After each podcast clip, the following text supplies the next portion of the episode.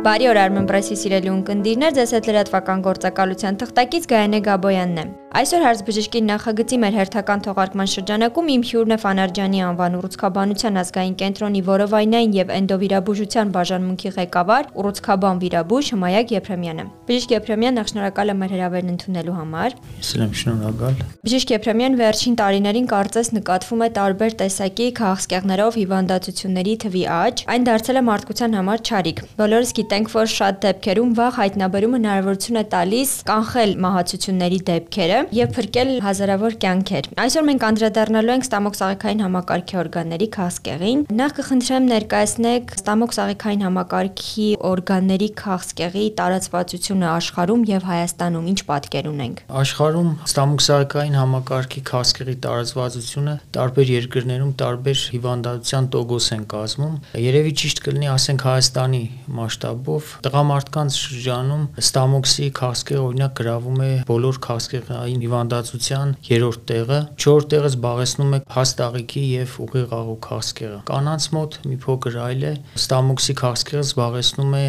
հիվանդացության, կարելի ասել 4-րդ հորիզոնականը, իրենից առաջ թողնելով կրծքագեղձի ծվարների քաղցկեղը։ Հիվանդացություն, այո, վերջին տարիներին ավելի դարձել է հաջախագի եւ ավելի միցավալի փաստ, ավելի երիտասարդացել է։ Հակումը եւ միտումը հիվանդացության շատացման, տարածվածության եւ երիտասարդացման կապված են մի շարք գործոններով, դա արտաքին գործոններ են, մարդկային ստրեսը, կյանքի որակի պայմանները, բարձի թողության բարձր տոկոսը, որը ունի իր հիմքերը, ուշտիմելիության հարցը։ Շատ լավ, իսկ հիվանդության առաջացման ռիսկի գործոնները որոնք են։ Առաջացման ռիսկի գործոնները դրանք կարելի է առաջին տեղում դնել նախ գենետիկական ֆակտորը, ժառանգականությունը, որ յուրաքանչյուր օրգանիզմ իր գեների մեջ ունի նախադրամադրվածության եւ այդ գեների այսպես ասած, արտահայտություն, որպեսի հիվանդություն ձևավորվի, պետք են ինչ-որ արտաքին ազդակներ։ Դա կարելի է այդ շարքին դասել ստրեսը, ռիսկի գործոնների մեջ մեծ դեր ունի նախաքաղցկեղային հիվանդությունների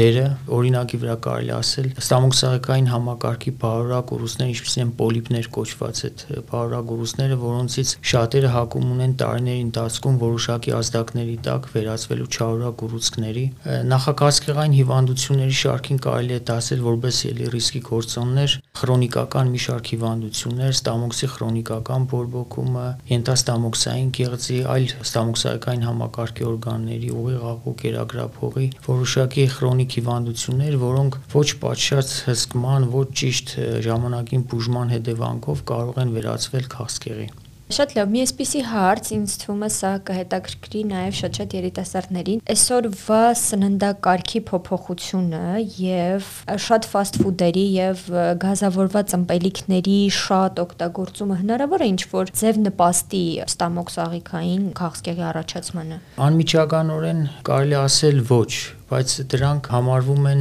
օրգանիզմի համար վնասակար, ինչպես ծխելը, ալկոհոլը, նաև այդ fast food-ը, գազավորված խմիչքի օգտագործումը կարող են առաջացնել մի շարք հիվանդություններ, ստամոքսարկայի համակարգի, որոնք ճբուժման դեպքում քրոնիկ ընթացք են ստանում եւ հետագայում, այո, այդ արդեն առաջացած քրոնիկ հիվանդությունները կարող են բերել քաղցկեղի առաջացման։ Շատ լավ, շատերս գիտենք, որ քաղցկեղի շատ տեսակներ կան, որոնք որ իրենց առաջին մի քանի փուլերում ընթանում են առանց ախտանշանների, առանց ցավերի։ Կխնդրեի նշեք, այս խնդրի դեպքում ինչ ախտանշաններ կան։ Մարդիկ քաղաքացիները ինչպես հասկանան, որ իրենց մոտ կարող է լինի նման խնդիր։ Գիտեք, ես ինչ ախտանիշներ որ կթվարկեմ, դրանք պարտադիր չեն, որ պետք է անպայման ահազանգ լինեն քաղցկեղի, բայց եւ այնպես ճիշտ կլինի զգոն լինել նման ախտանիշների դեպքում։ Նախ ընդհանուր ախտանիշներից է դա ընդհանուր թուլություն լությունը, քաշի կորուստը, ախորժակի անկումը, ախորժակի վատացում, սրանք որպես ընդհանուր ախտանիշներ։ Եվ ասենք ցանկացած որևէ օրգանի, ենթադրենք կերակրափողի քասկերի համար գոյություն են ավելի բնորոշ գանգատներ, կլման ակտի խանգարում, դժվարացած կուլ տալու process-ը, ցավոտությունը, ստամոքսի դեպքում սրտխառնոցի, փսխումի առաջացումները, այ օրինակ կարելի է նաև նշել, որ շատ մարդիկ ունենում են սակավայրունություն, այրան այդ պատկերի հեմոգլոբինի իջեցում, շատ արտադրություն չեն դարձնում, բայց որը կարող է հենց հանդիսանալ հաստաղու քասկեղի առաջին ախտանիշաններից մեկը։ Կղանքի հետ այրան հետքերի արկայություն, աղիների գործելու դժվարություն, սրանք հենց անմիջապես բնորոշ չեն քասկերին, բայց մյուս հիվանդությունների ժամանակ էլ կարող են լինել, բայց նորից եմ նշում, նման գանգատների դեպքում պետք է զգոն լինել, պատշաճ կերպով հետազոտվել, որպեսզի ավելի լավ կլինի, որ չհայտնաբերվի այդ հիվանդությունը, այլ լինեն այլ հիվանդությամբ գանգատներ, բայց ժամանակին ախտորոշման համար մեծ նշանակություն ունեն։ Շատ լավ, անդրադառնանք հիվանդության բուժման եւ կանխարգելման ընթացքին։ Խնդրեմ ներկայացնեք ինչ հետազոտություններ է պետք անցնել, որպեսզի հնարավոր լինի ողջել հիվանդության արկայությունը եւ կանխարգելման համար ինչ գործընթաց է առաջարկվում եւ բուժման ինչ ընթացք է սպասվում հիվանդի։ Նախ առաջինը շատ կարեւոր է ցանկացած հիվանդությունը կանխարգելել, քան առաջացած հիվանդությունը բուժել, ուստի կուզենայի նշել, որ բնականաբար ցանկացած գանգատի դեպքում հիվանդը պետք է հետազոտվի։ Դրա մեջ մտնում են ստամոքս աղիքային համակարգի վերին հարկի ստուգումները էնդոսկոպիկ միջոցով գաստրոսկոպիա կոչված, կոլոնոսկոպիան հաստաղու համար, ուլտրաձայնային հետազոտությունը որովայնի օրգանների համար, կանխարգելման մեջ է մտնում նաև եթե հիվանդի տվյալ անձնավորության ընտանիքում ծնողներ, եղբայր, քույր լինում են քասկեղով հիվանդացության դեպքեր, անպայման նա պետքա գտնվի հսկողության տակ։ Օրինակի վրա կարող եմ ասել, եթե տան ենթադրենք հայրը քասկեղով հաստաղու հիվանդ է, նրա բոլոր մոտակա ազգականները պարտավոր են գոնե տարին 1-2 կամ 2-3 տարին 1 անգամ անցնել կոլոնոսկոպիա հաստաղեկի ստուգման համար, որովհետև ռիսկի գործոնը շատ բարձր է գենետիկ առումով, որ մոտակա հարազատն ու այդպես էլ լինում է, կարող են հիվանդանալ այդ հիվանդությամբ։ Կարևոր է նաև այն մարդիկ, ովքեր ասենք ժամանակին ալկոհոլի չարաշահում են ունեցել, վնասակար սովորություններ, հետազոտեն իրենց լյարդը, ենթաստամոքսային գեղձը, ուլտրաձայնային հետազոտությամբ անհրաժեշտության կորցրության դեպքում համակարգչային շերտագրում կատարեն։ Ավելի ընդհանրացնելով կարելի ասել մի բան, որ պետք է զգոն լինել առողջության հանդեպ մինչև հիվանդության զարգացումը։ Դա պրոֆիլակտիկ հետազոտություններն են, օրինակ բժշկական առաջնային օղակի պոլիկլինիկաների ժամանակին այցելությունները, բժշկի կողմից խորհուրդ տրված հետազոտությունների ժամանակին անցկացումը։ Դա կանխարգելման եւ հիվանդության վաղ հայտնաբերման առումով, իսկ քաղցկեղի բուժման առումով պետք չի մտածել, որ քաղցկեղը դա ճակատագիր է, անբուժելի մի վիճակ է, ժամանակին հայտնաբերված ճիշտ ձևով բուժում ստանալու դեպքում հնարավոր է պայքարել այդ հիվանդության դեմ, քայլել առաջ, ապրել կյանքի բոլոր պայմաններով։ Դրա համար կրկնում եմ կա մի բան՝ ժամանակին հետազոտվել, հայտնաբերել հիվանդությունը եւ դիմել բժշկի։ Իհարկե, առաջի, երկրորդ փուլերում հայտնաբերված քաղցկեղի բուժման արդյունավետությունը շատ ավելի բարձր է։ Մոդեցումները քաղցկեղի բուժման դա ավանդական ինչպես քիմիոթերապիա, ճառագայթային բուժում եւ վիրահատություն։ Չմանրամասնենք, որ հիվանդության դեպքում ինչ, բայց այս 3 մեթոդով հավատացեք հնարավոր է լինում վաղ հայտնաբերված քաղցկեղի, թեկուզ այն դեպքերում, երբ հիվանդությունն արդեն իր իրական փուլերում է, որ կան լուրջ խնդիրներ, կանգաններ, կարելի է հասնել արդյունքի։ Մի քիչ երկար ճանապարհ, համառ պայքար, բայց հնարավորություն է լինում փրկել կյանքեր եւ ստանալ լավ արդյունք։ Շատ լավ, կխնդրեմ նաև ներկայացնեք հիվանդացության դեմ պայքարի արդյունավետությունը Հայաստանում, ինչպես կգնահատեք, այսինքն մահացությունների թիվը բարձր է տվյալ հիվանդության պարագայում, ցածր է վերջին տարիներին ինչ որ փոփոխություն կա սարքավորումների նորարարության, մեթոդների նորարարության հետ կապված։ Ինչ խոսք ժամանակակից բժշկագիտության մեջ թե սարքավորումների, թե նոր տեխնոլոգիաների, բժիշկների ել ավելի կատարելագործման առումով արդյունքները ել ավելի գոհացնող են դարձել համեմատելով 10-15 15 տարի առաջ Հայաստանի մասին է խոսքը եւ այսօր կարելի է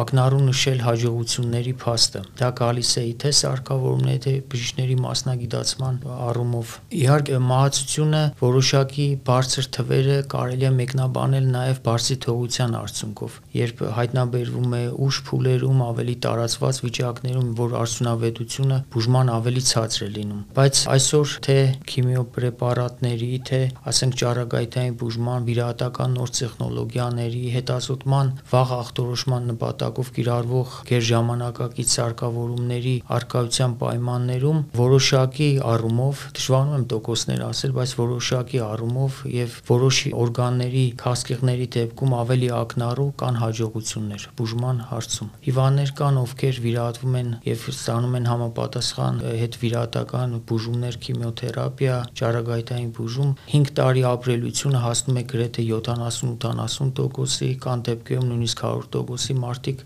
ազատվում են այդ հիվանդությունից։ Շատ լավ չնայած դուք նշեցիք, որ parberabar հետազոտությունը շատ կարևոր է, բայց կա որոշակի տարիք, որ այս հիվանդության դեպքում այդ տարիքից հետո արդեն պարտադիր է որոշակի հետազոտություններ անցնել։ Գիտեք, եթե անկեղծ լինեմ, տարիներ առաջ, ասենք, թե գրականության մեջ, թե ընդհանուր մի միտում կար, որ քաղցկեղը ավելի տարեց մարդկանց հիվանդություն է, ցավոք այսօր այն երիտասարդացել է, դրա համար տարիք չսահմանենք։ Պարզապես նույնիսկ երիտասարդ տարիքում, եթե կան ինչ-որ գանգատներ, որոնք անհանգստացնում են տվյալ անձնավորությունը, պետք է դիմի բժշկի, պետք է անպայման հետազոտվի։ Բարբերական հետազոտությունները, եթե հայտնաբերվում են քրոնիկ ինչ-որ հիվանդություններ, արդեն բժշկի կողմից նշվում է, որ ինչ-որ տարվա կամ երկու տարվա կդրվածքով տվյալ հետազոտությունը անհրաժեշտ է անել, որպեսզի կանխարգելվի քաղցկեղի զարգացումը տվյալ օրգանիզմում։ Շատ լավ բժիշկ Եփրեմյան, չնայած դուք ամբողջ զրույցի ընթացքում խորհուրդներ տվեցիք, բայց ամփոփելով մեր զրույցը կխնդրեմ նշեք 3 խորհուրդ մեր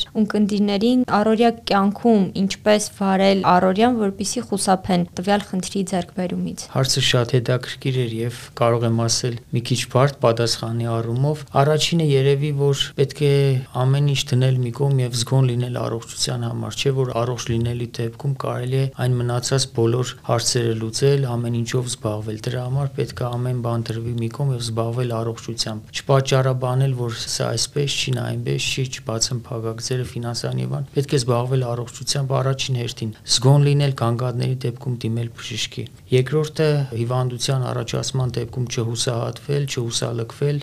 պայքարել, որովհետև ամեն ինչն էլ հնարավոր է իր լուծումը ստանալ մանավանդ այսօր զարգացող բժշկագիտության ասպարեզում եւ երրորդ երևի բոլորին առողջություն ցանկանալ եւ հավատք, որ կարելի առողջ լինել։ Շնորհակալ եմ զրույցի համար։